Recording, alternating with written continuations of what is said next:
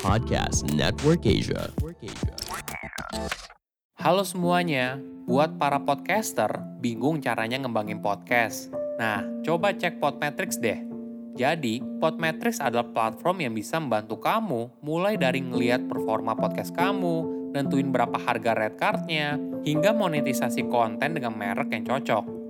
Bukan cuma itu, Podmetrics juga bisa membantu kamu untuk mendapatkan inspirasi dalam buat iklan dari contoh yang sudah ada.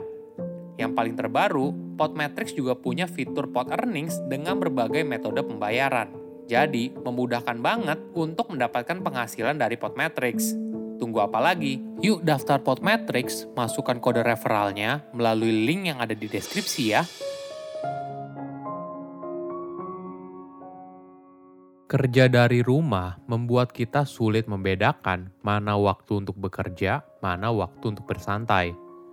Halo semuanya, nama saya Michael. Selamat datang di podcast saya, Sikutu Buku. Kali ini saya akan membahas kenapa kerja dari rumah justru lebih capek dan tidak bersemangat. Padahal kita tidak perlu macet-macetan ke kantor, kerja dari kamar tidur, dan sebagainya. Ternyata kerja dari rumah tidak seindah yang dulu dibayangkan Ketika pandemi COVID-19 melanda dan hampir semua orang dipaksa untuk kerja dari rumah, beberapa orang baru sadar kalau kerja dari kantor justru jauh lebih menyenangkan daripada kerja dari rumah. Sebelum kita mulai, buat kalian yang mau support podcast ini agar terus berkarya, caranya gampang banget. Kalian cukup klik follow. Dukungan kalian membantu banget supaya kita bisa rutin posting dan bersama-sama belajar di podcast ini. Apakah kamu merasa lelah ketika kerja dari rumah, padahal kamu hanya seharian bekerja dan tidak pergi ke mana pun? Tenang saja, kamu tidak sendirian. Banyak orang juga merasakan hal yang sama.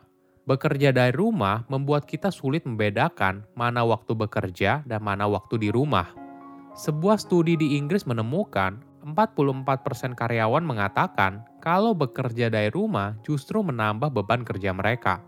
Sedangkan 33% karyawan juga mengatakan kalau kerja dari rumah berdampak pada kesehatan mental. Mereka merasakan depresi, cemas, atau letih. Kondisi bekerja dari rumah mungkin lebih berat bagi karyawan yang punya anak kecil. Ketika orang tuanya bekerja dari rumah, sekolah anaknya juga berubah dari offline ke online. Kondisi ini mendorong orang tua juga harus bekerja, sekaligus diharapkan membantu anaknya dalam pendidikan. Di sisi lain, isu soal kesehatan juga menghantui banyak orang. Tidak ada yang tahu kapan pandemi COVID-19 akan berakhir. Apalagi virusnya selalu bermutasi. Misalnya sekarang yang terbaru adalah varian Delta. Walaupun kamu sudah vaksin, tentu saja kamu masih punya potensi untuk terkena virus COVID-19.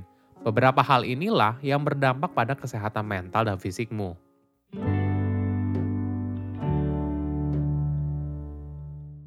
Kenapa kerja dari rumah justru melelahkan? Pertama, rutinitas kamu berubah. Pandemi COVID-19 telah mengubah banyak aspek dalam hidup. Salah satunya yaitu cara kita bekerja. Kita yang biasanya punya rutinitas bangun pagi, mandi, sarapan, lalu ke kantor, sekarang kita harus beradaptasi dengan rutinitas yang baru dan tentunya berpengaruh pada tingkat energi harianmu. Selain itu, tanpa adanya perbedaan antara di mana ruang kerja dan ruang personal, Hal ini membuat kita ibaratnya dalam mode always on, sehingga wajar saja apabila kamu merasa lelah. Kedua, bekerja dari tempat tidur. Tidak semua orang punya meja kerja sendiri di rumahnya. Kadang mereka bekerja dari tempat tidur dan ditambah meja kecil. Nah, kondisi ini membuat otak kita sulit membedakan antara ranjang sebagai tempat tidur atau tempat bekerja. Semakin sering kita melakukan hal ini, ternyata memiliki pengaruh pada kualitas tidur kita dan dampaknya pada energi level harian. Ketiga, waktu online semakin banyak. Apakah kamu menyadari kalau sejak work from home, justru waktu kamu online di media sosial atau berselancar di internet semakin lama? Hubungan yang biasanya terjalin secara fisik kini banyak dibuat dalam bentuk online. Ada sebuah ungkapan yang cocok, yaitu Zoom fatigue teknologi telekonferensi tentu saja sangat memudahkan manusia untuk berkolaborasi. Namun, karena semakin mudahnya mengajak orang lain meeting via Zoom, hal ini membuat meeting yang kita hadiri kadang tidak penting dan sebenarnya bisa dibalas dengan cepat via email atau chat. Online meeting tidak hanya terjadi di dunia kerja. Kini banyak kegiatan sosial juga menggunakan Zoom, mulai dari acara kumpul keluarga, kumpul bersama teman, kelas yoga, dan sebagainya. Keempat, cemas akan ketidakpastian. Banyak orang merasakan hal yang sama. Tidak ada yang tahu kapan pandemi ini akan berakhir dan kita bisa kembali ke kehidupan normal. Bahkan, banyak pekerjaan yang masih belum pulih, misalnya di sektor pariwisata, di mana banyak orang bergantung hidupnya pada turis yang datang. Tentunya hal ini membuat kita stres dan khawatir akan masa depan. Kelima, tidak tahu kapan harus berhenti. Walaupun kamu kerja dari rumah, bukan berarti kamu harus selalu standby 24 jam. Ingat, kamu harus punya batasan dalam bekerja dan berhenti bekerja ketika waktunya selesai. Hidup kamu bukan hanya soal bekerja, kamu punya kehidupan yang lain.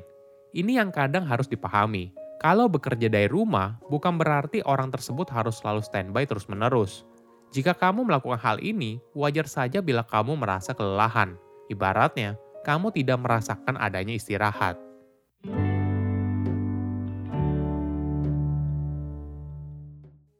Apa yang bisa kita lakukan?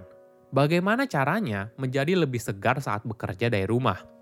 Pertama, ambil istirahat sejenak. Kita biasanya bekerja dalam siklus 90 menit.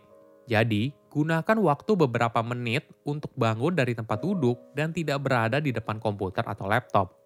Misalnya, kamu bisa pergi mengambil minum, peregangan singkat, pergi ke toilet, dan sebagainya. Istirahat sejenak ini bukan hanya penting untuk membuat kamu tetap fresh, tapi juga menjaga tingkat energi kamu agar bisa tetap produktif. Kedua, olahraga. Sebelum pandemi COVID-19, kamu mungkin punya jadwal rutin ke tempat gym sebelum atau sesudah kerja. Namun ketika pandemi COVID-19 dan gym pun harus tutup, kamu jadi kehilangan rutinitas untuk berolahraga. Jika sudah begitu, coba mulai besok kamu mulai olahraga lagi di rumah. Ada fakta yang menarik. Kita menjadi lelah karena kita tidak bergerak. Semakin sering kita tidak bergerak, maka akan semakin sedikit energi yang kita miliki. Apalagi kalau dulu ke kantor, kita masih harus berjalan dalam perjalanan menuju kantor. Namun sekarang, kita sudah kehilangan hal tersebut. Nah, di situ pentingnya untuk mulai berolahraga. Ketiga, berlatih bersyukur.